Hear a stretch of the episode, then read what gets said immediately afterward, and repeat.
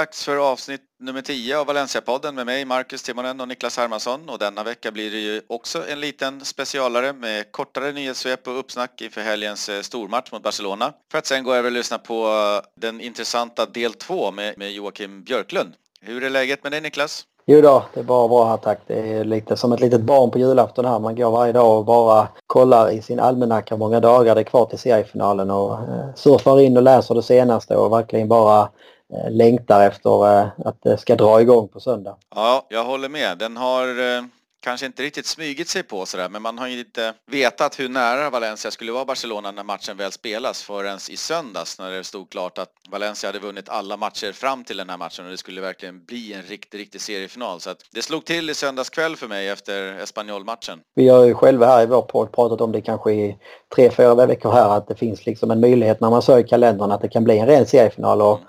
Nu har ju Valencia gått rent eh, fram, fram till, från det som man säger så. Eh, problemet är väl att Barcelona också har gjort det så att det skiljer.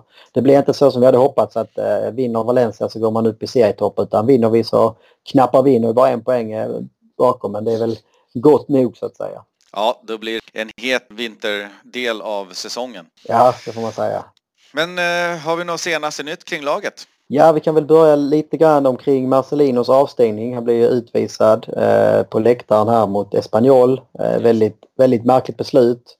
Eh, som ingen riktigt kunde, kunde förstå. Eh, enligt Marcelin själv och de uppgifter jag läser var det ju snarare så att han stod och diskuterade med eh, Kike Sanchez Flores om eh, att inte Espanyol spelade ut bollen när Murillo var skadad. Eh, då kom han då utanför sin egen tekniska zon och kom in i Espanyols tekniska zon och eh, fjärde tränaren, eller fjärde domaren försökte väl då liksom ingripa och det var väl då som Marcelino liksom ville få fortsätta prata med Kike så att säga och sen så kallade han då till sig huvuddomaren och så blev han utvisad. Och då kom då domen idag att det blir två matchers avstängning eh, vilket känns ännu mer horribelt på en utvisning som inte ens borde varit en utvisning från början. Eh, vilket också då Kike Sanchez Flores har liksom sagt i efterhand att det var en väldigt olycklig utvisning och att tränarna måste kunna ha liksom ett, ett snack under matcherna och det var absolut ingen aggressiv stämning eller något, någon som gick över gränsen där. Så det är väldigt olyckligt. Nej, jag kan inte dra mig till minnes kanske exakt vilka matcher det handlar om men nog har väl eh, Mourinho och Wenger stått panna mot panna och, och Jörgen ja. Klopp med olika tränare och ingen har blivit uppslängd på läktaren eller avstängd. Så att ja, lite tufft Nej. tycker jag.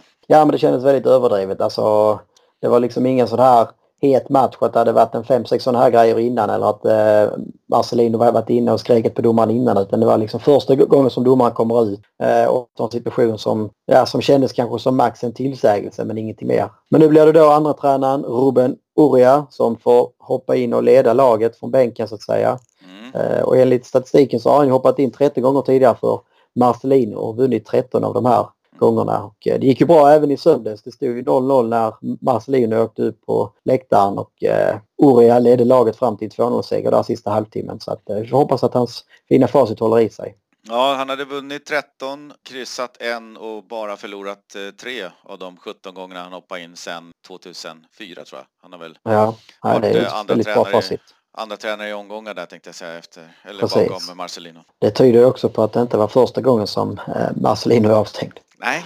Eh, annars så kan vi väl rapportera också från Espanyol-matchen om vi håller oss fast där att Morillo eh, fick utgå skadad. Det var ju det som var upprinnelsen till utvisningen och han kommer inte spela till helgen. Eh, det känns väl på ett sätt inte sådär Eftersom vi har då Paul Lista som är skadefri och eh, spelar från start senast och eh, Garay som då vilade sist får vi väl anta friska så känns det ändå som att eh, de här tre är hyfsat jämna så att det blir inget större avbräck om man säger så. Eh, sen så är det klart att det är alltid att ha alla tre krya och friska. Det ser, det ser eh, en bra ut på mittbacksidan. Ja, absolut. Eh, vi har haft eh, Simone Sasa som inte spelar alls. Han satt på bänken här.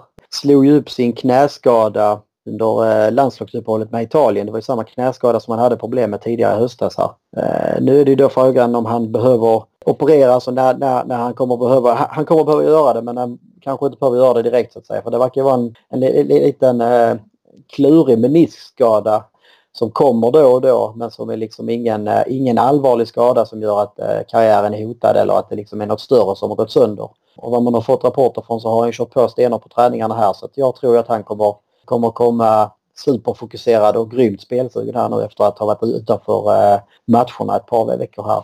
Jag läste också att han personligen ville för allt i världen inte missa den här Barca-matchen och det kan man ju förstå. Så ja, hoppas man ju bara att det inte går, går ut över förståndet eller någonting så att han spelar på 80% kapacitet på smärtstillande eller något. Utan eh, jag hoppas att han är 100% kry om man kliver in på planen. Ja, och det tror jag väl också att teamet runt omkring kommer se till eftersom att eh, nu gjorde ju Santimina mål sist och eh, Rodrigo har ju också levererat innan så att det är liksom inte så att man är eh, 200 beroende av Sasa även om jag också hemskt gärna ser honom på plan för att jag tycker han känns som det, eh, det är ändå det hetaste hotet på något sätt i anfallsspelet.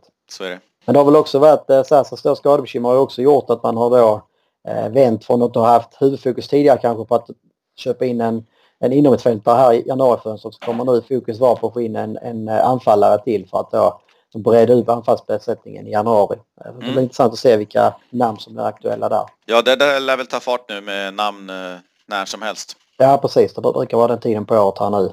Mm. Eh, annars så har det väl varit eh, lite surr i framförallt i England om att Carlos Soler skulle vara på väg till Manchester United. Eh, det var väl även någon media i England som till och med gick ut och sa att Soler hade bett Valencia om att få lämna. Det tror jag inte ett jävla dugg på rent ut sagt. Eh, det skulle vara oerhört förvånande om Carlos Soler som egen produkt och uttalad Valencia supporter skulle gå ut i det här läget och liksom eh, be om att få lämna Valencia för att gå till Manchester United. Det, det, det, det lämnar jag till under 0,5 procents eh, möjlighet att det är sant. Det jag kan eh, tänka mig i det fallet är väl att Carlos Soler kanske har sagt till sin, sin agent att United är ett intressant alternativ om de är intresserade av mig och sen så kanske någon agent eller någon i den agentfirman har pratat med pressen och sen har man drivit Exakt. det vidare till att han har bett om att få lämna. Men jag tror, ja, eller... jag, tror, jag tror att Carlos Soler är säkert intresserad om United är det. Jo, nej, men det är precis. Alltså, det var det jag skulle säga. Så det, det, det, det kan ju ha börjat med att han har sagt att om jag någon gång ska lämna Valencia så ska det vara till en klubb som Manchester United United eller kanske bara till Manchester United, jag vet inte.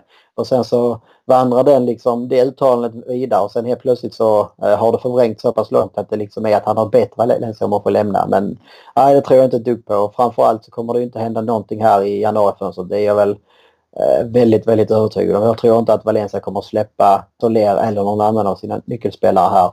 Nej, och ryktena, samma källor säger väl att United inte ens vill betala utköpsklausulen utan eh, mycket mindre och då Just det. Då tror jag att eh, möjligheterna minskar. Ja, nej, det är liksom Valencia har inget tvång att sälja och det går bra för laget och Soler är en viktig spelare så att han har liksom heller ingen anledning att, att, att kräva någon, någon, någon transfer här.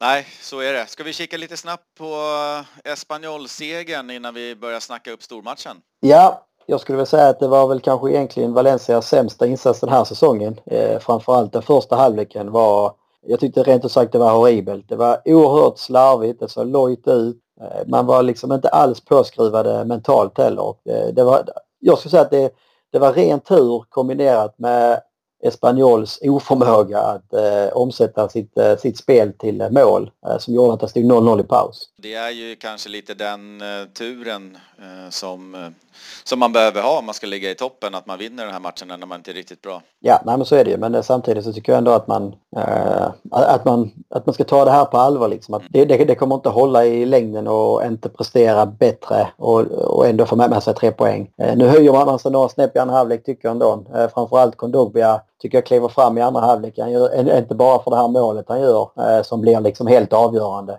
Det är en match som står och väger där Espanyol har klar fördel. Eh, Valencia börjar äta sig in i det eh, och sen så kommer då 0-1 och då, då, då blir ju sista halvtimme blir ju helt annan eh, prägel eftersom då Valencia kan spela på sin ledning och man då senare också kan eh, göra, göra 2-0 in halvkontring genom mina efter ett eh, försvarsmisstag. Men det blir också tydligt på något, något sätt i offensiven som var oerhört trubbigt tyckte jag. Att eh, Marcelino vilade Solea, Guedes och Sasa. Det känns som ett mm. lite väl... Eh, nu gick det ju vägen till sist så att säga men det kändes som att vila de tre samtidigt, det var lite väl eh, högt spel tyckte jag. Ja, det håller jag med om. Nu som sagt gick det ju bra, men eh, samtidigt så tror jag att det behövs vilas eh, spelare när de hade så många borta och truppen är väl relativt smal så att ur den aspekten förstår jag det, men jag, jag, det, det, det, är ett högt spel att spela.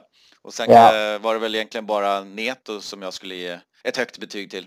Ja, nej, jag håller med. Det var den enda som var bra i hela, hela matchen. I andra halvlek var det väl en del som steppade upp. Eh, men jag tycker till exempel en sån som Santimina, jag tycker man märker tydligt att han, eh, han, han är inte riktigt där. Han har inte den eh, förmågan att liksom vara en startspelare i ett topplag i liga. Det är alldeles för slarvigt och för många, fel, för många enkla felpassningar och felbeslut. Och sen så gör han ändå målet så att säga. Så att det, får man väl ge han att där är han ju oerhört på hugget. Ja. Hoppas ni är mer på hugget på söndag. Kvart i nio, ja. en perfekt speltid och vi har ju till och med Peter Lim på plats. Ja, det var väl, eh, han är inte där så ofta så att eh, vi får hoppas att det ger någon slags tur med sig. Ja, ja det blir en spännande match. Det är ju som säkert alla vet eh, Barcelona som leder mot Valencia som är tvåa. Det skiljer fyra poäng. Det är väl de två lagen som har gått absolut bäst i Spanien under hösten. Men jag skulle också säga att det på ett sätt är det två lag som kanske har tagit oförtjänt mycket poäng egentligen. Jag tycker också, jag har inte sett varenda match från Barcelona men det har ju liksom inte varit någon sån här äh, totalt glimrande höst äh, där de liksom har dominerat i varje match och det har varit 3-4-0 liksom eh, det har varit flera gånger när jag har sett Barcelona framförallt på bortaplan så har det varit ungefär som det var i söndags för Valencia. Att, nej fan det här kan gå hur fan som helst men sen på slutet så är det ändå ett mål av Messi har det varit oftast men det är de här små grejerna som avgör till Barcelonas eh, fördel. Ja, och det Barcelona vi har lärt oss känna här de senaste 7-8 åren så, så har de minst eh, en eller två växlar till och, och lägga i efter eller utöver det man har sett i höst. Ja, det tycker jag absolut och det är väl därför kanske också som att, jag menar,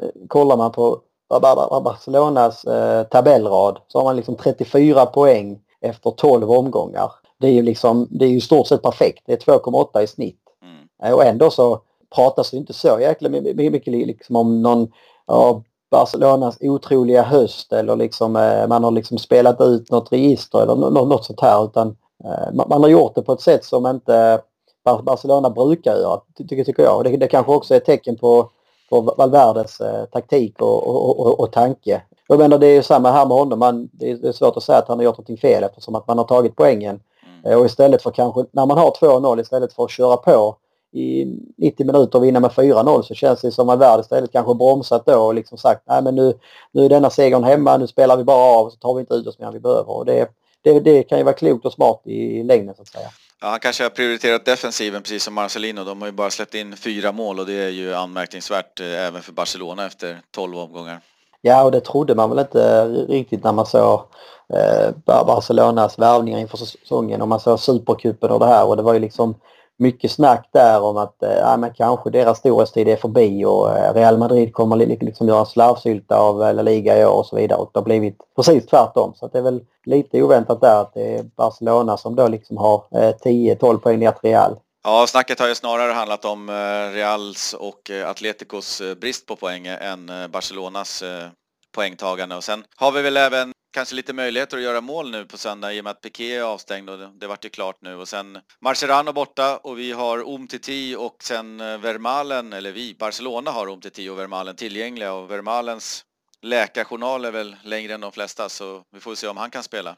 Ja, han kan ju liksom gå och snubbla när han ska gå ut från eh, bussen eller någonting och dra eh, korsbandet så att eh, det är ju kanske en av fotbollsvärldens mest eh, skadedrabbade spelare känns det som. Eh, så hade jag varit eh, Barca-supporter så hade man ju känt en viss oro där. Eh, kanske han håller fram till start men jag menar eh, håller han en kvart, 20 minuter, alltså vad händer om han tvingas avbryta? Vem ska man då slänga in i, i, i försvaret? Så att och då när man dessutom ställs mot ett Valencia som som har varit väldigt eh, målfarligt i år. Med, de har gjort 30, 32 mål tror jag här på 12 omgångar och eh, snittar väl säkert en 3-4 mål nästan i, i, snitt per, på de senaste 5-6 omgångarna. Så att det är ju, eh, nej, det känns som att det, det, finns ett väldigt bra läge för Valencia att kunna störa eh, Barca rejält.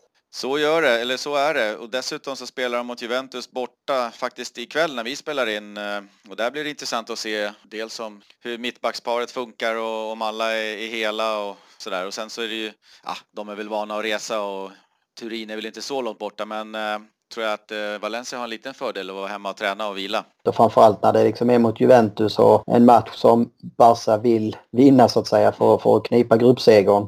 Eh, så har man inte råd att vila någon spelare utan det blir liksom fullt fokus och alla spelare i stort sett eh, skulle jag tro spelar ikväll.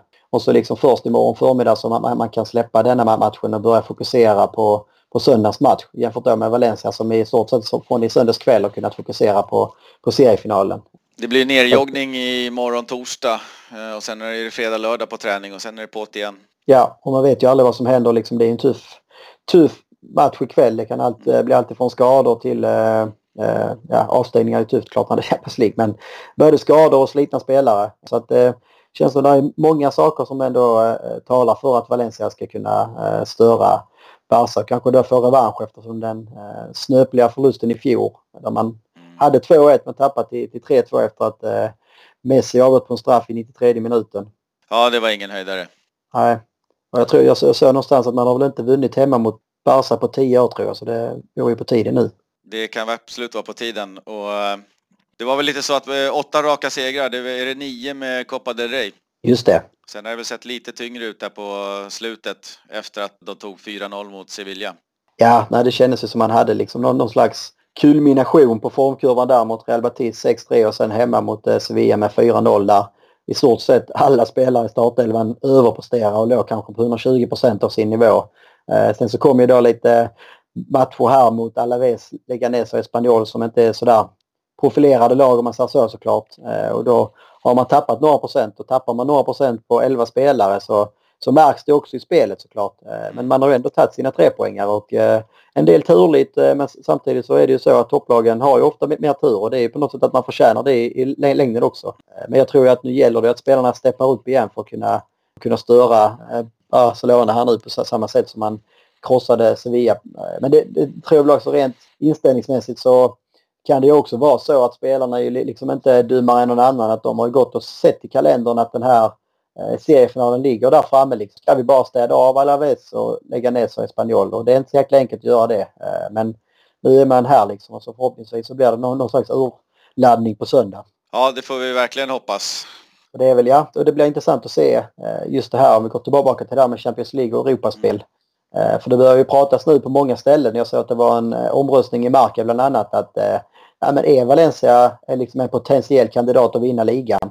Eh, och det som jag tyckte var väldigt häpnadsväckande det var ju då i Madrid-baserade Marca eh, så hade 48% röstat ja att Valencia kan liksom vinna ligan i år. Så det börjar ju bli eh, liksom inte bara vi inbitna naiva valencianister som börjar prata om det här utan även andra börjar få upp ögonen för att större under har väl skett innan.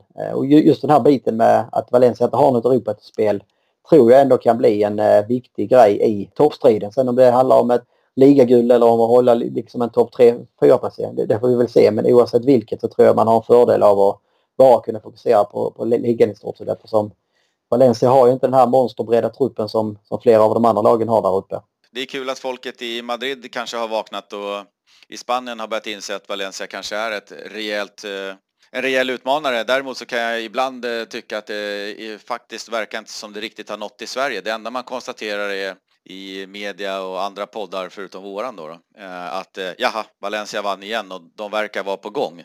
Och sen räcker det liksom så här, det är ingen som verkar synar liksom att det, har, det är en elektrisk stämning på Mestalla och det är ett satans drag kring klubben utan det är mer, ja, de verkar vara där uppe igen. Kul. Ja, nej jag håller med. Det är, det är väl dels okunskap och dels så är det väl liksom också att eh, man är så vana vid att eh, Barca och Real på något, sätt reder ut det sist. Och det går väl också känna igen ungefär samma beteende eh, både i Sverige och i Spanien kanske med Atletico eh, 2013-14.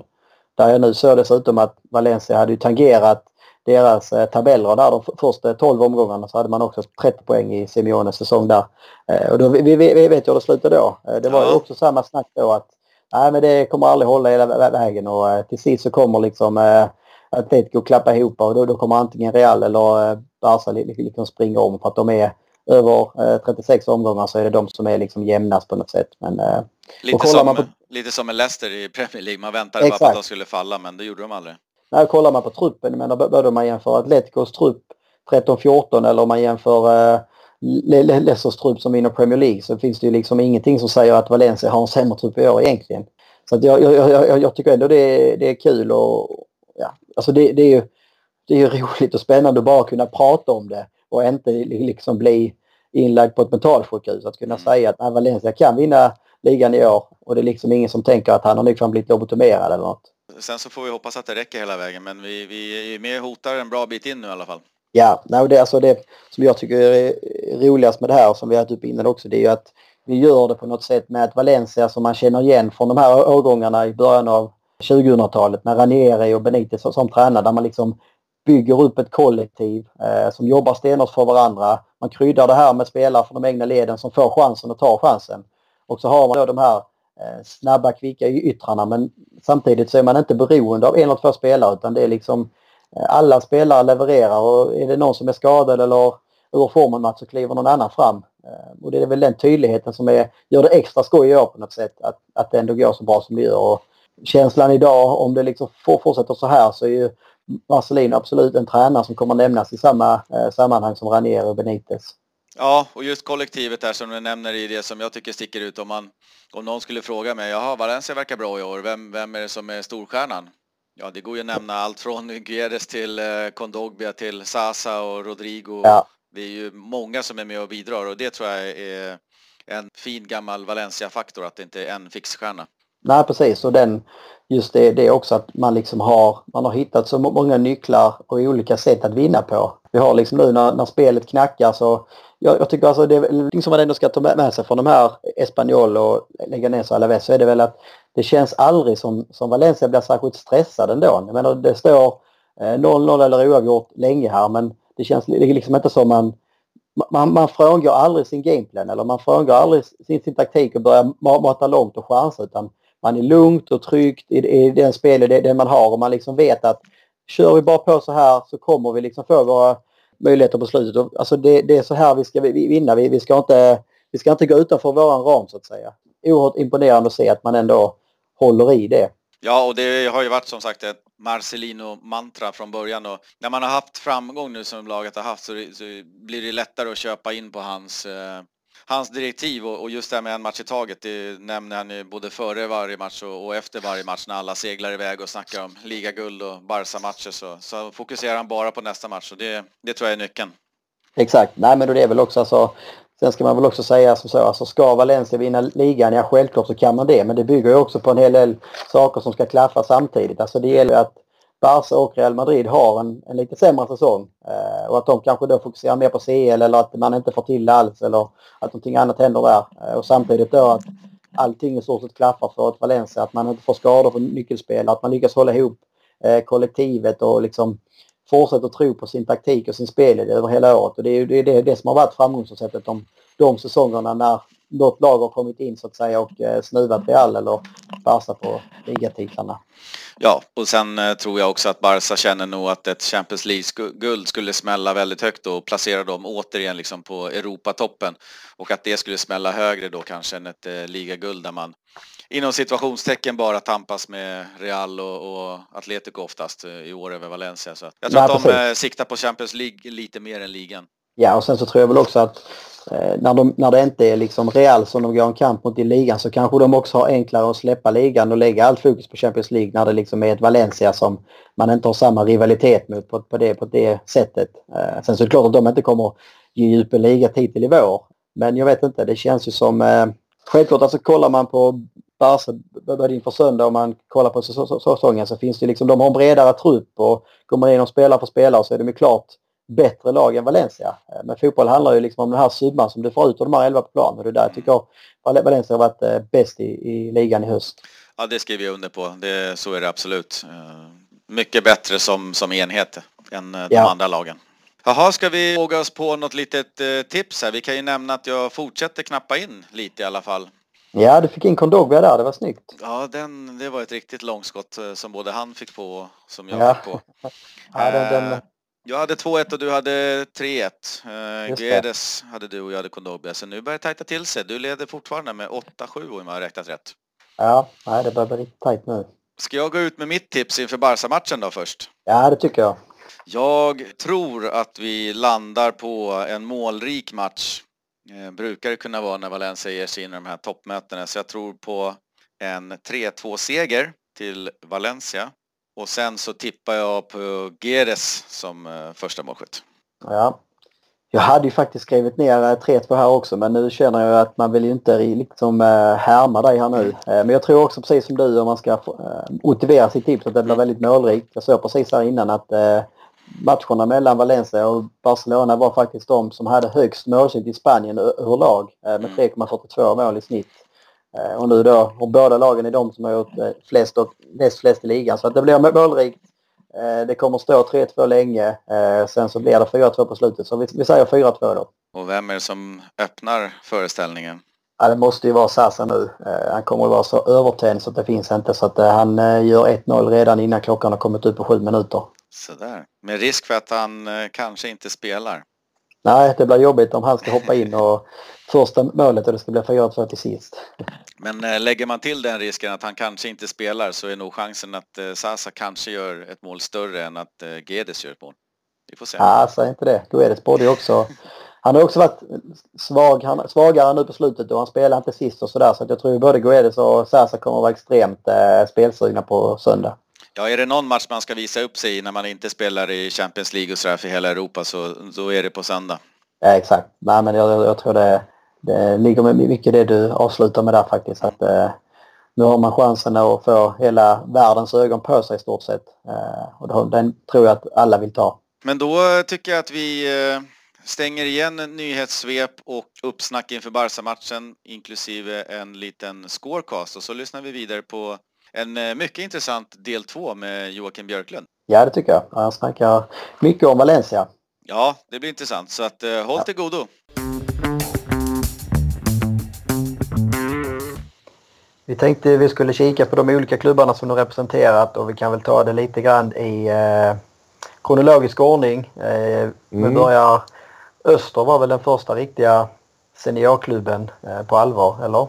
Ja, det var den första juniorklubben också. Det, det var inte så mycket att välja med med tanke på vad, vad Öster har betytt för, för min familj och släkt. Eh, nästan alla har ju varit involverade. Jag hade aldrig spelat i någon annan klubb innan Öster. Det fanns ju inte så mycket annat i Växjö. Så att, eh, det är ju som jag säger, det är ett av de lagen. Man, jag sa att jag hade hållit på Juventus innan men då har jag givetvis hållit på Öster från, från att jag var tre, fyra år. Så, så tidiga minnen jag kan komma ihåg det är från Bergensvallen i, i Växjö. Ja. Och se på Öster i Allsvenskan. Och sen var det via Norge och Brann och så hamnade du i IFK Göteborg. Mm. Också under en, ja, några fina år i, i Norge, det måste jag säga. Det, det var det var häftigt för där var det ju, fotbollen var inte världens bästa. Inte då heller, väl inte nu heller i Norge kanske. Men, men det var ett eh, fantastiskt publikintresse i, i Bergen på den tiden och det är det väl fortfarande. Man kom liksom, var van att, att gå på Bergensvallen och där blev publiksiffrorna bara sämre och sämre och till slut så var det liksom nere på 2 500-3 tusen även om man var i allsvenskan. Och så flyttar man upp till Bergen och får spela in, inför 12, 13, 14, 15 tusen varenda varenda helg. Så att det, det var en höjdare även om inte fotbollen kanske var fantastisk. Då kände jag att min karriär fick en kick av det. Ja. Och fotbollen lär ju ha varit eh, desto fantastiskare i IFK Göteborg 93 till 95 när ni hade en eh, oerhört framgångsrik era. Ja, ja det är fortfarande liksom när man snackar om det här eh, bästa klubblagen man har varit i så är det fortfarande ett av dem som är, som är uppe och fightas med de andra och då har jag ändå varit i internationellt större klubbar efter. Men ja. det laget vi hade i Blåvitt på den tiden, det gick inte av hackor. Vi gjorde resultat också. Det var tre allsvenska guld på tre säsonger och eh, två eh, eh framgångsrika resor i Champions League också. Mm. Eh, på den tiden när Champions League var, var helt nytt. Faktiskt. Ja. Men första gången vi, första året spelade Champions League med Blåvitt så var det bara åtta lag med. Två grupper med fyra lag och den de som vann grupperna gick till final. Så enkelt var det på den tiden. Ja.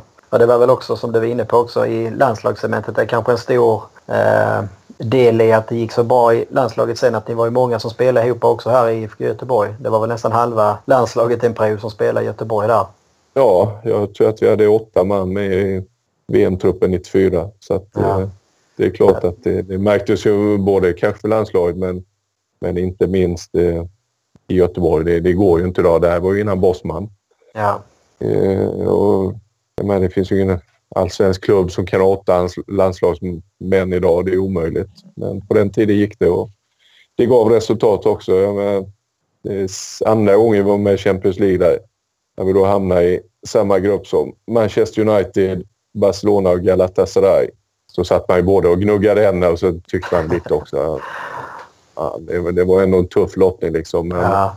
inför sista matchen när vi ska spela borta mot Barcelona, då hade vi redan vunnit gruppen. Och ja, Barcelona behövde en pinne för att gå vidare som två år. Så blev det 1-1 på Camp Nou. Och 100 000 står och jublar. Det är Ja, ett det är ganska häftigt det är otroligt. Ja, ja, det förstår jag. Ja, i sen så blev det... Ja, kör du. Eh, sen blev det en sväng till Italien va? Mm, Vicenza. Just det. Hur var Serie A? Eh, Ja, det var ju på den tiden Serie A var utan tvivel eh, bäst i världen. Alla de största spelarna spelar i Serie A och Milan och Juventus dominerar i Europa. Så att, eh, återigen en riktig höjdare. Gick till en liten klubb, Vicenza, som precis hade gått upp. Men vi gjorde en bra, riktigt bra säsong och hamnade... Ja, om vi kom sju eller åtta, det ska jag låta vara osagt. Men inte bättre än sju och inte sämre än åtta. Så någonstans där. Och, och slog många av de här storlagen. Alltså Juventus, Lazio, eh, Roma etc. Ja. Var med och vann mot dem också. Så att det, det, det var en höjdare och det var också en sån klubb som var liten och familjär. Så det, på det sättet så var det inte ett så stort steg från det man hade varit van vid i, i Sverige. Liksom. Det var en bra början. Ja, hur förändrades som uh, utlandsproffs? Nej, det var men en alltså stor det, skillnad mot Göteborg. Ja, det var det ju. Det var det ju givetvis. Framförallt när det gäller media och sånt här. Eh, som man säger, italienska ligan på den tiden var väl kanske världens mest påpassade liga dessutom. Men sen var det ju allt, allt det andra. Liksom lära sig ny kultur, eh, språket. För det var ingen i, i Vicenza som snackade engelska direkt. Så att det var ju bara att sätta sig och råplugga italienska och komma in liksom så fort som möjligt så man kunde kommunicera med sina lagkamrater. Det brukar vara en fördel. Och allt det här. Men Ja. det, det, det var bara spännande liksom. Eh, eh, Dökul. Jag och familjen. Familjen var liten på den tiden. Det var bara jag och frugan och Jesper. Vi hade bara en son när vi flyttade dit. Det var, var ju enkelt liksom. På något Ja. sätt. Så att, eh, nej, det, det är ett ställe som har varit tillbaks många gånger efter, efter jag slutade spela för Vicenza. Så har vi varit där säkert åtta, tio gånger efter. Och, Oj, ja. ja, jag gillar det. Sen blev det en ny sväng tillbaka till Italien där efter eh, perioden i Valencia. När han hamnade i Venezia va? Ja, Med Samparini som eh, president. Hur, hur, hur galen var han? Ja, men det, det är bara att kolla. Kolla hur man tränare Palermo har haft Ja. sista, sista åren sedan han varit där. Nej. Eh, den tiden. Det, det var en dålig flytt. Om vi fram tills dess. Eh, för då var det ju Valencia precis innan Venezia. Fram till dess så hade jag trivts på alla ställen. Men Venezia. Alltså vi hade träningsförhållanden som en division 3-klubb i Sverige fast det var Serie A. Eh, vi spelade ut på en liten ö med en stadion som också höll ja, nästan division 3-klass. Det var inget riktigt intresse i Venezia för fotboll och på pappret så hade vi ett hyfsat lag men vi, vi var riktigt dåliga också. Så att det blev bara ett halvår där och det, det är jag faktiskt glad för. Ja, det var många Tyvärr. tränare på samma Tyvärr, säsong. jag-. Ja, det blev några stycken. Jag, fick, jag hade bara två för jag lämnade efter halva säsongen. Men vi började med Signor Prandelli som sedermera tränade italienska landslaget. Så det, det, och Valencia för den delen också. Så det är en liten fotnot. En liten kul fotnot, men eh, det är väl det enda.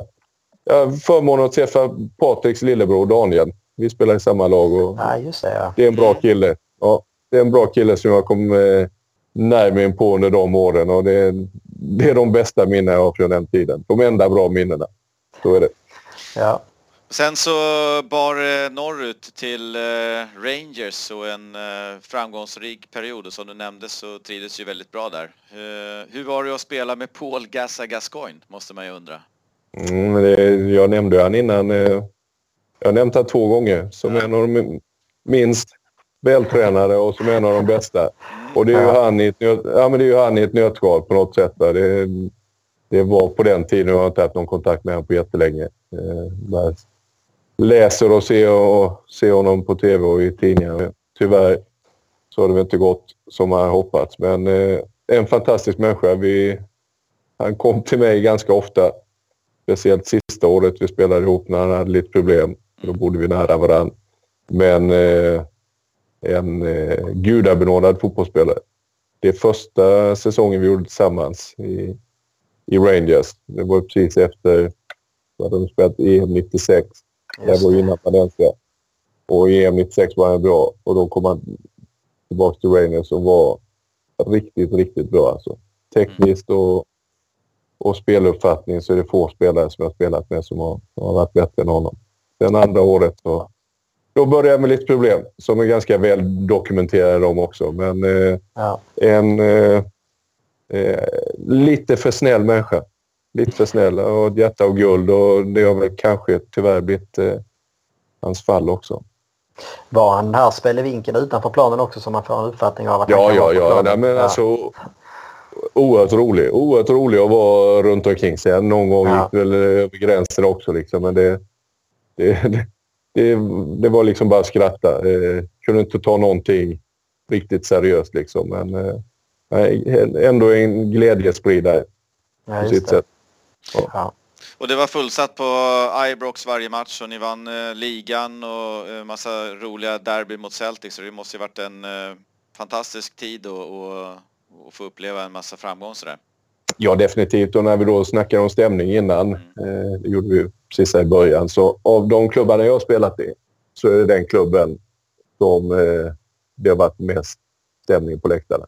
Alltså det är som du säger, det var alltid fullsatt. Eh, de är skottar, de kommer dit för och heja på sitt lag och göra, sitt, göra sig hörda. Så att, eh, en förmån att få spela inför de fansen i, i två år. Och dessutom i, i derbyna mot Celtic hade vi bra koll på dem på den tiden och det hjälpte ju till definitivt också. Så att, eh, en, en häftig upplevelse, definitivt. Mötte du Henke Larsson någon gång? I Old Firm? Ja, det gjorde jag. Det gjorde jag. Yes, det gjorde jag. Eh, man möter, man möter ganska ofta i i, där man spelar i skotska ligan. Så att, eh, det gjorde vi. Nu vann väl vi matcherna där i ligan. Fall när jag var med. Jag missade en match i året för jag var skadad eller någonting. Skadad eller sjuk, jag kommer inte ihåg. Men de andra vann vi. Men tyvärr så vann ju Celtic ligan det året. Ja, han hade väl sina största glansdagar eh, när du hade lämnat för Valencia. Ja, definitivt. Alltså, efter, Henke gjorde en riktigt bra första säsong också, men eh, efter det, ja, det behöver inte jag sitta och säga för det vet ju alla vilken legend han är i Celtic. Alltså, det är kanske Celtics eh, mest populära spelare genom tiderna. Ja. I alla fall i modern tid. Så att, eh, han gjorde ett oerhört intryck i, i Glasgow och öste in mål. Mm. Och sen så blev det en liten eh, avrundning eller avslutning av karriären i England och spel i Premier League. Var det någon liten pojkdröm som blev uppfylld där också? Men jag tänker att det är väl klassiskt så här svenskt. Man växer upp med Stryktipset och liksom drömmer om att spela i Premier League. Ja, men visst var det så lite grann. Det var det. Och dessutom då när man hade varit i, i både spanska och italienska ligan innan så kändes det som är det någonting kvar så, så är det ju Premier League. Ja. Så att, eh, och när då som sagt var fick det erbjudandet från Sunderland så var jag dessutom i, i Venezia så det var inte så mycket. Jag, jag tror vi snackade om det, jag och min fru Sara i, i fem minuter och sen bestämde vi oss. Ja. Det, var, det, det var inget svårt val. Ja, och återigen, ja, nej, men återigen liksom eh, på något sätt ändå häftigt att spela för då, då hade pendeln svängt igen och då kanske, nu snackar vi om tidigt 2000-tal och då på något sätt så kanske engelska ligan var där alla världsspelare ville spela i. Mm. Det hade börjat då så att eh, på något sätt så kändes det som man fick med italienska ligan var som bäst. Spanska ligan är fortfarande ruskigt bra men, men första året vi gick till Champions League-final så var det trots allt tre spanska lag i semifinal i Champions League. Så det tyder ju på att ligan höll ganska bra klass på den tiden också. Mm. Och sen då engelska ligan som sen dess bara blivit eh, större och större. Så ja, det var häftigt. Hur, hur var det då sista matchen där eller sista säsongen när du bestämde dig för att lägga skorna på hyllan? Var det vemodigt eller kändes det som ett beslut som hade mognat fram? Ja, det gjorde det definitivt. Kändes som ett beslut som hade mognat fram. Sen blev det tyvärr ett år till efter det. Jag hade ju lagt av på mm. riktigt mm. egentligen och flyttat tillbaka hit till Spanien, eh, lämnat Sunderland eh, och sen på sen sommar, precis innan ligan ska börja, så hörde Wolverhampton av sig och ville att jag skulle komma dit och jag kommer inte ihåg om det var provtränare eller någonting. Jag sa att nej, det har jag inte. Jag är frisk men jag kommer inte att provträna. Jag var ju trots 33 eller 34 år eller någonting på den tiden. Men sen ringde de igen och till slut så sa vi det här, äh, vi kör ett år till liksom. Jag tog med familjen igen och med hand så hade jag gärna haft det året ogjort men en säsong eller en och en halv om vi räknar in Venezia så av vad nu blev 17-18, det, kan man bjuda på. Men Wolverhampton var ingen, var ingen höjdare, tyvärr. Spännande att höra. Det är ju en uh, fin resa du har haft runt om i Europa i, i flera länder. Men uh, vi tänkte gå vidare och kika lite på mm. Valencia idag. Vi kan väl börja med att höra hur har dina roller sett ut i Valencia efter karriären och har du någon roll idag? Ja, eh, nu för första gången på väldigt, väldigt länge så har jag ingen roll alls. Innan mm. så har det varit som spelare, jobbat som scout, jag har jobbat som tränare de sista två åren i ungdomsavdelningen och sen eh, inte minst har jag varit pappa till pojkar som har spelat i Valencias ungdomsavdelning också. Men just det här året nu så har vi, har vi ingen Björklund i Valencia. Och det är första gången på länge. Däremot så följer jag laget eh, och, och håller på laget. Det är en helt annan sak. Ja. Du, som har, du som har koll på eh, Kantaranen och ungdomarna. Eh, Kangin Lee är väl ett namn som man ofta läser och hör om. Hur, mm. eh, hur bra är han egentligen skulle du säga? Han är riktigt bra. Han är riktigt bra. Han, eh, nu är han med i Valencias ja, juniorlag då, juvenil A som man säger, som spelar i Division Honor. Just det. Som det är i Spanien och de spelar i samma liga som det laget jag tränar nu. Och eh, ja, han är väl nästan yngst i ligan men eh, kanske den bästa spelaren av alla. Ja. Eh, med rätt...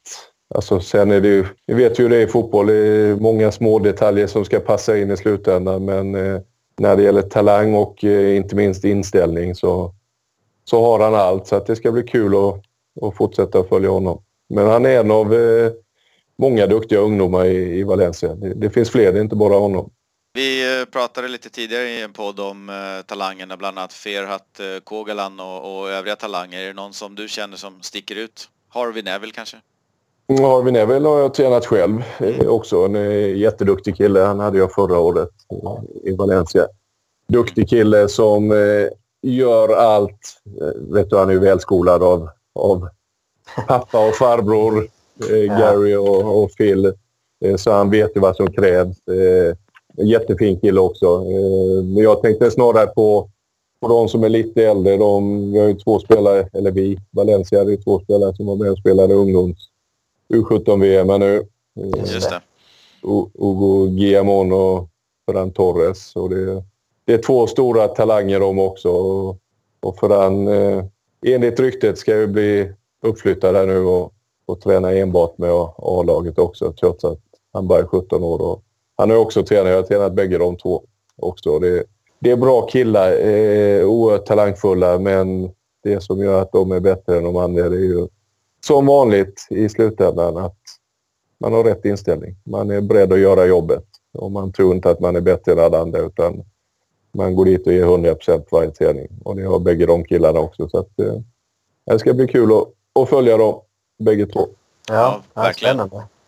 Vem skulle du säga är den eh, bästa spelaren som du sett passeras eh, i Valencias ungdomslag de senaste åren? Den som har... Eh, det beror på vad man menar med senaste år. Jag har varit här så länge nu så att nu säger man någon, säger man någon och så är de kanske veteraner nu. Vet du. Man, man säger ja, Bernat. Bernat till exempel. Man är ju... Ja. Ja, Bayern München och spelat eh, åtta säsonger på hög nivå liksom, så han kan vi inte riktigt räkna in. Nej, men vi har ju två bra exempel från i fjol. Fjolårssäsongen var ju en eh, flopp. Det får vi ja. hålla med om alla som håller på Valencia i alla fall. Men eh, i slutändan så får man fram två egna produkter i alla fall. Carlos Soler och, och Tony Lato. Och det gör ju att, att man på något sätt kan acceptera de dåliga resultaten lite mer i alla fall, tycker jag. Mm. Bägge de två spelarna, eh, framförallt kanske Carlos Soler som som är med i stort sett eh, varenda match nu för tiden. Ja. Ja. men det, är kul, det är kul att eh, man fortfarande plockar fram egna produkter för det är oerhört viktigt för, inte bara för Valencia utan för, för alla klubbar. Att slippa spendera en massa pengar varenda sommar liksom. Tror du det finns någon hemlighet eller något? Eh, eh det känns som att det är många ytterbackar som kommit fram från de egna leden de senaste ja, sju, åtta åren egentligen så att säga. Eh, och det är väl där som det varit väldigt överrepresenterat om man säger så, egna talanger som kommit upp i A-laget och gjort det bra där. Eh, har du någon sådär förklaring till hur det kan vara så? Nej, alltså dels är det den spanska spelstilen. Alla de här, jag misstänker att vi nu tänker på Lato, Gaia, Bernat och Jordi Alba i första hand det, ja. det, är ju- det är ju inga dussinspelare där liksom. Man har två i Valencia och en i Barcelona och, och en i Bayern München. Så det är hyfsat facit. Det, det, det som, eh, som eh, är gemensamma nämnaren för alla de tre är att de var ju inte ytterbackar för, på seniornivå. Utan det är ju Just framförallt offensiva spelare. De har, de har spelat både, både i anfallet och på mittfältet innan. Men det, det är ju så eh, rollen ser ut för, för spanska mittbackar i de stora klubbarna nu för tiden. Det är mer offensiva än defensiva kvaliteter som gäller. Och där har klubben, som du säger, varit oerhört duktiga på att få fram de här. Ja.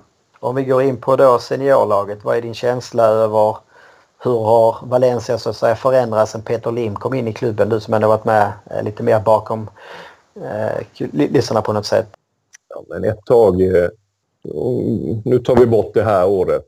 Det här året Ja. det misstänker jag att vi kommer att prata om eh, snart ändå. Men det kändes ett tag som man lite hade tappat identitet. Vi visste inte riktigt vad vi var som klubb. Liksom. Eh, Nej. var vi en eh, leksak för en eh, biljonär och hans eh, kompanjoner på agentmarknaden. Då, då vet ni vem jag pratar om, eh, Jorge Mendes. Är vi en klubb som eh, försöker göra bra resultat eh, sportsligt eller, eller vi är här för att köpa och sälja spelare. Lite så var ju känslan de sista två åren, tycker jag i alla fall. Och det, det vet jag att många här i Valencia samma, hade samma känsla. Men nu känns det som i år så har Peter Lim tagit ett steg tillbaka. Man ser han inte alls lika mycket i media nu. I och för sig så har det också blivit så att resultaten talar för sig själva så att det blir inte lika stort fokus på ägarna när det går bra. Givetvis, det, det förstår jag också. Men Ja. det känns ändå som han eh, har tagit ett steg tillbaka och lämnat fotbollsdelen i kapabla händer. Eh, Jag tänker på Alemani och, och Marcelino då, Mm. sportchefen och tränaren. Och Ja. än så länge så är det väl ingen som kan tveka på att, att det har varit rätt att göra det. Så bra som Valencia har sett ut än så länge, det, det kan inte jag komma ihåg när man gjorde senast knappt. Hur såg det ut där, eller hur kändes det? Du måste väl ändå varit eh, anställd av klubben under de eh, mörka åren om man tar de tre senaste exklusive i år när dina lagkamrater Jokic och Pellegrino kom in och, och det var väl Paco Paco Esteran och Voro ett, ett par gånger och, och hur var det att, att gå där på träningsanläggningen och hela tiden ha den här cirkusen snurrandes? Ja, men det var ju spänt liksom. Det blev nästan som man skrattar åt det till slut. Vi, vi pratade om Samparini i Palermo. Mm. Eh, de sparkar Ja. tränare hit och dit. Men, men Valencia ett, ett tag var ju knappt bättre själva heller. Tre, fyra tränare på ett år liksom. Nej. Och då, det vet ju alla som har sysslat med fotboll på någon seriös nivå att det är inte vägen framåt. Vill man bli fram, framgångsrik så krävs det lite mer kontinuitet. Så att, eh, det var några tuffa år. Det blev jag sa. Man gick nästan och, liksom och tänkte vad, vad är det här för cirkus? Liksom. Nu, nu kommer det in någon ny igen och det finns ju ett par gemensamma nämnare. Boro har ju varit där hur länge som helst och Paco Camarasa som är lagledare för A-laget har också varit här länge och de träffade man ju var och varannan dag och det var liksom Mm. nästan bara en huvudskakning. Medan träffar man dem nu så liksom, ja, då är det en nick. Vi är på väg åt rätt håll igen liksom. Och, och det är skönt att se. Ja. Ja, Men verkligen. det måste, det måste ändå...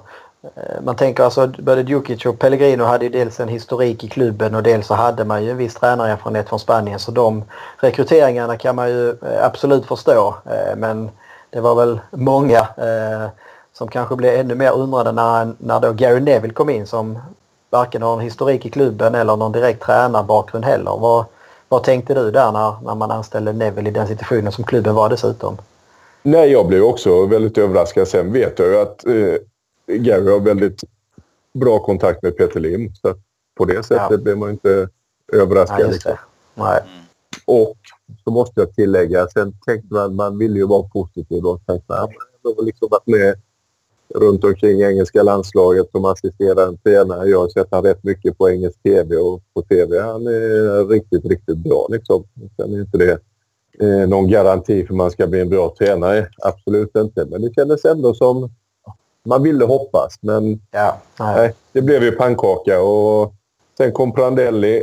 Eller äh, Gestaran var det väl innan och sen Prandelli och Ja. ingen av dem blev långvariga. Liksom. Och det är två stycken som jag dessutom känner väl. Prandelli hade ju Vene- Venezia och Paco var ju fystränare på den tiden. Jag hade Rafa Benitez en, en försäsong här. Så att, eh, det var ändå folk som man kände och hoppades på att det skulle gå bra för, men nej, så blev det inte. Nu har man väl ändå, måste vi säga, efter 11 omgångar vänt på skutan. Vad är det du ser som eh, har gjort att man lyckas med det i år?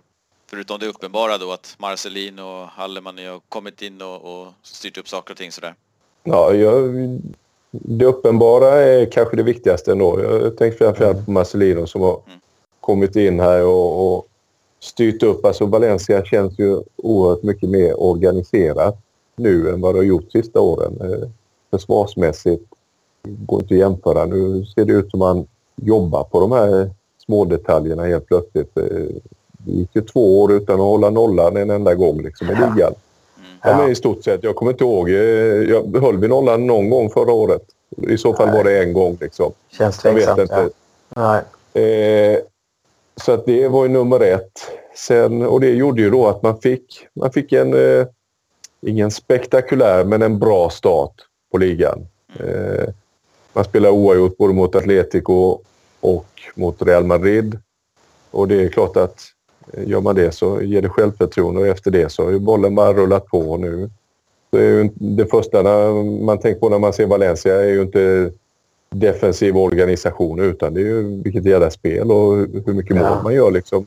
Men det ändå, känns ändå som någon konsekvens av att man börjar i rätt ända. Man börjar med att styra upp och det är oftast det enklaste också.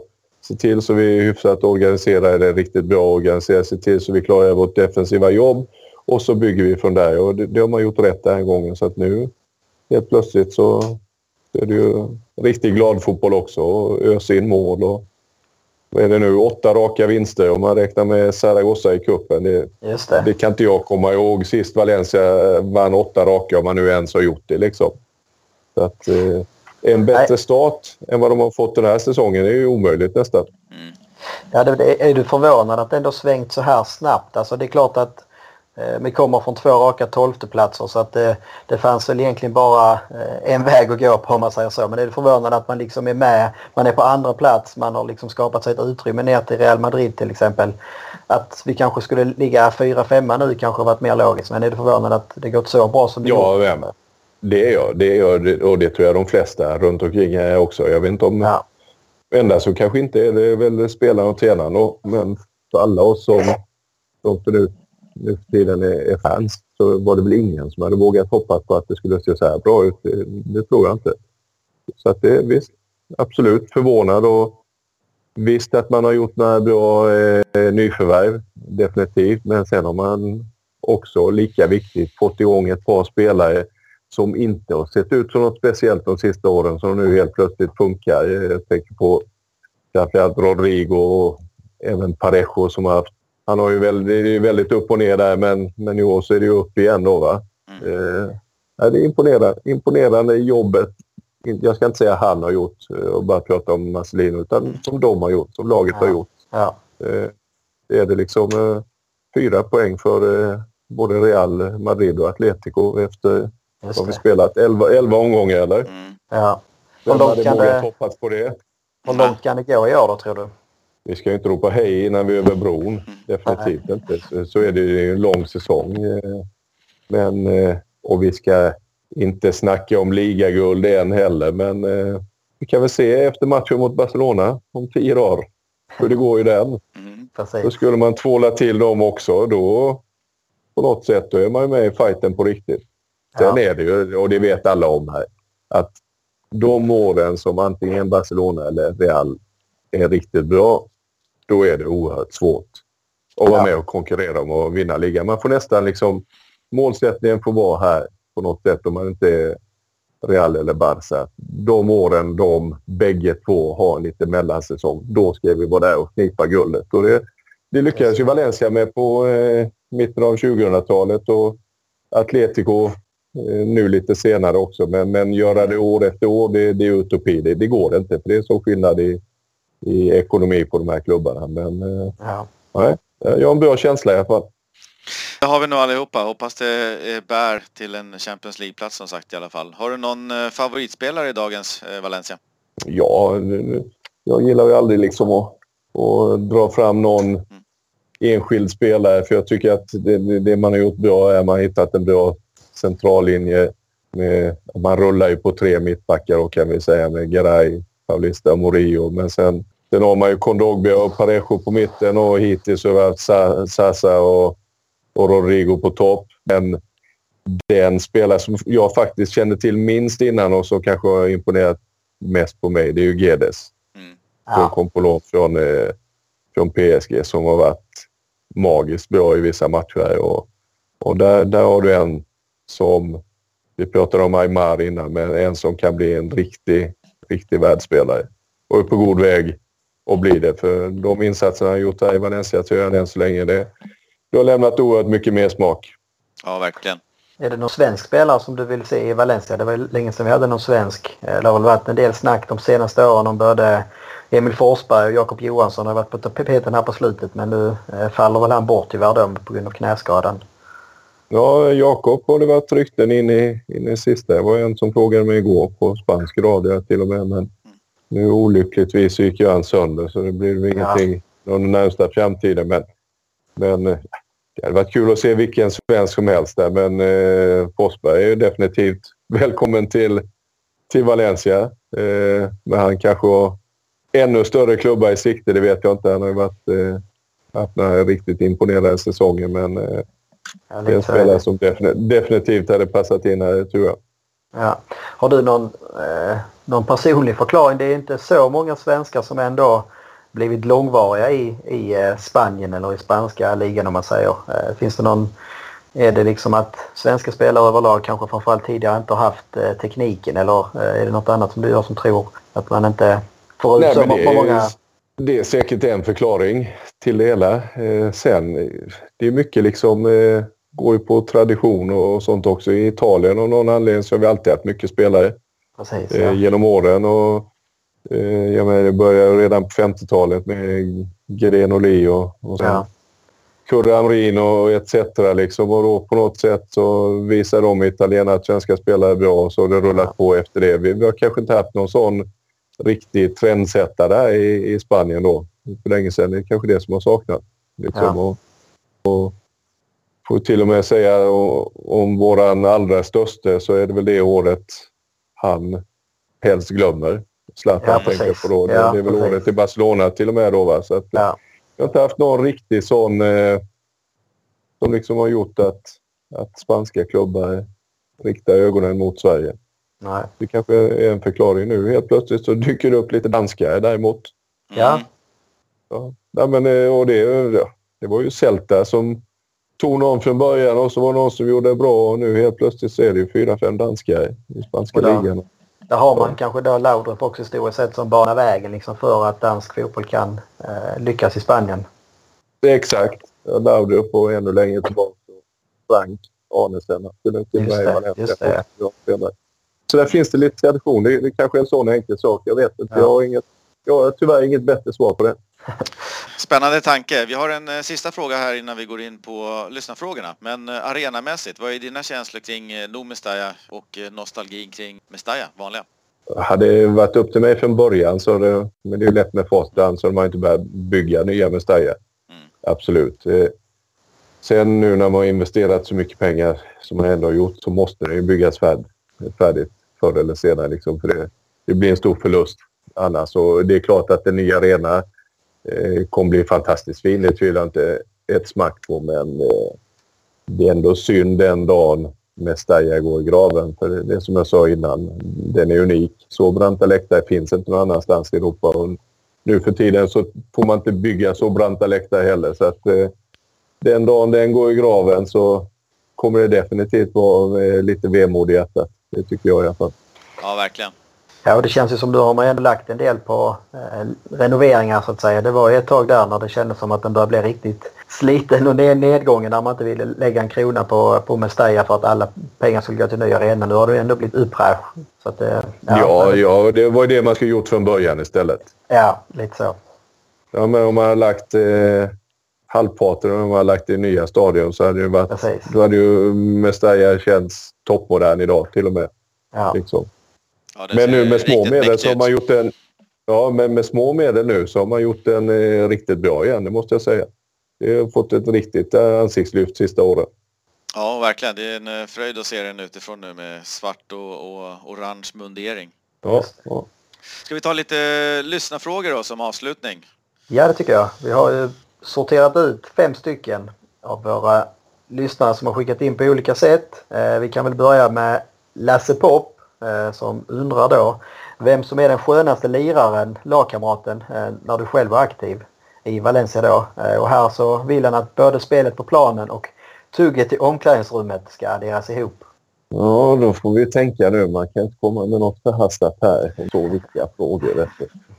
Eh, nej, men en, en skön lirare har vi nämnt eh, och det var ju Mendieta. Eh, dels för att han hade lite intressen som var lite utöver det vanliga, men eh, en jag alltid gillade personligen som hade sin egen stil både på plan och, och utanför. Det var, det var Jocelyn Angloma. Han var en skön lirare. Och han hade ändå varit runt. Han var ju veteran när han, när han var här, men det märktes att eh, han hade varit runt eh, i de stora klubbarna i, i Europa innan han kom till Valencia också. Ja. Både i stil och tugg och allting. Han gillar det. Ja, han känns utifrån som, eh, som en riktigt skön kille. Ja. Tobias undrar lite kring eh, legendariska materialaren Bernardo Espanieta och, och dennes eh, roll och betydelse i klubben.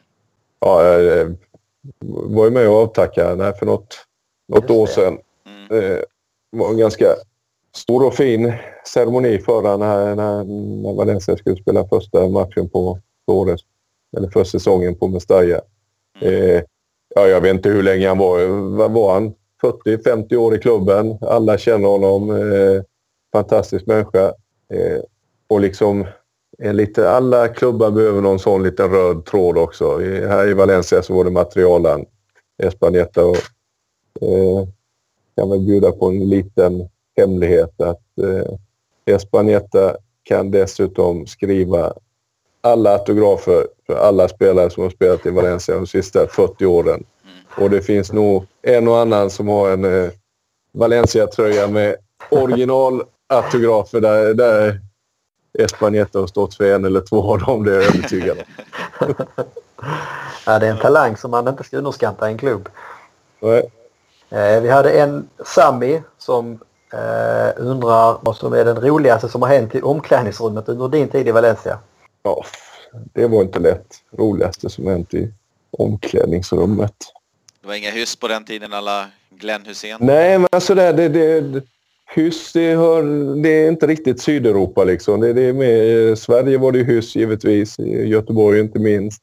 Skottland var det definitivt också med med tanke på ett par av de pajasarna som spelar där. Mm. Men här eh, var det väl ganska städat. Liksom. Det, det som var skillnaden här i omklädningsrummet mot de andra klubbarna varit och det lärde man sig ganska fort att var, eh, fyllde man år och det var träning då var det inget snack. Då skulle det med, alltså inte bara någon liten tårtbit utan det skulle tas med champagne och lite goda förrätter så också. Det gäller inte snåla på pengar där och eh, den som kom med bara lite fjuttig kava, det, då blev det då blev det utbuat. Det skulle vara riktig champagne på den tiden. Det, även om ingen drack speciellt mycket. Det, det är den största skillnaden annars. Du får ta det då. Ett bra ja, svar. Bra anekdot. Ja. Vem tycker du är den största talangen av Soler, Lato och Gaia? Gaia har ju varit med längst. Mm. Så på det sättet är han den som har åstadkommit mest än så länge. Men den största talangen av dem. Eh, det tycker jag nog Carlos Soler För där har du en ny, en ny kanske, eh, en ny Baraja Mendieta på sikt. Tvåvägsspelare, alltså inte bara eh, antingen offensivt bra eller, eller en Albelda som, som sågar det mesta som kommer på egen planhalva utan en som kan faktiskt göra bägge två. Båda delarna. Så att, eh, han ska bli intressant att fortsätta följa. Ja, vad spännande. Eh, en sista lyssnarfråga kommer från mig. Jag var nere och såg 4-0 eh, mot Sevilla när eh, inte minst Guedes hade en fantastisk show där och innan matchen så var vi och tog en öl på ett ställe och hamnade i kön till toaletten. Så fick ju de andra killarna i kön reda på att jag var från Sverige och Joakim Björklund var det första de sa. Eh, Så efter mitt besök på toan så kom jag ut, så satt ju två bord och sjöng Joakim Björklund-ramsor bara för att jag var från Sverige. Så min fråga är, får du mycket glada tillrop i och runt matcherna och mycket folk som känner igen dig och, och, och blir glada för serier? Ja, faktiskt. Och inte för att jag har varit någon eh, jättestjärna här, men för detta upp, eh, spelare uppmärksammas kanske lite mer Mm. i Spanien än vad vi gör i Sverige. Eh, och sen känner jag väl också att är det någonting jag var uppskattad för här så eh, pratar vi inte om tekniken och det här som vi sa innan utan det var ju att man gav 100 procent och jag vet min första säsong här, det skämtar ju fortfarande alla om. Då, hade jag, ju- då sydde jag väl 60 stygn i ansiktet Mm. den säsongen och liksom ändå så spelar man vidare och det är på något sätt det, det uppskattar de här. Stygn på spanska heter puntos och det är samma, samma ord som för poäng dessutom. så, ja, den har man ju hört ganska många gånger. Ja, fan, du hade ju mer poäng, alltså puntos, än, än Barcelona de vann ligan. Det är kuriosa. Ja, men det är uppskattat här. Eh, så Det är kul. Och framförallt då är man runt omkring med Staya på matchdag så är, det ju en och annan som är fotbollsintresserad också. Men det är bara kul. Ald- Aldrig, aldrig hört något negativt här i alla fall. Nej, det, Ja, det är var, det var en väldig glad, glädje kring de här 20-25 herrarna som satt och sjöng där och bara för att jag kom från Sverige så det räckte med det. Ja, häftigt. Ja men då så, då har vi egentligen kommit till eh, slutet av eh, de frågorna som vi hade så att vi ska väl rikta ett enormt tack för att du eh, var med. Absolut, ja det var jätteroligt. Ja, tack själva. Det var kul att vara med. Kul att vara med och snacka lite fotboll och Valencia och lite minnen. Absolut. Ja precis. Ja. Så får vi väl se om vi får läge att ringa upp dig en annan gång och stämma av hur det, hur det går här kanske till våren när vi, när Ja, vi ja. jagar ligatitel och Champions När vi, lagar, när vi jagar guldet på Ja, riktigt. precis. då, då får ni höra av er igen. För då är det Ja. fotbollsfeber i Valencia i så fall, det kan jag lova. Du får vara våran eh, Valencia-korre då. Rapportera hur det Ja, ser ut på gatorna när det firas och ses fram emot någonting. Absolut. Inga Ja. problem. Ja, tack så mycket.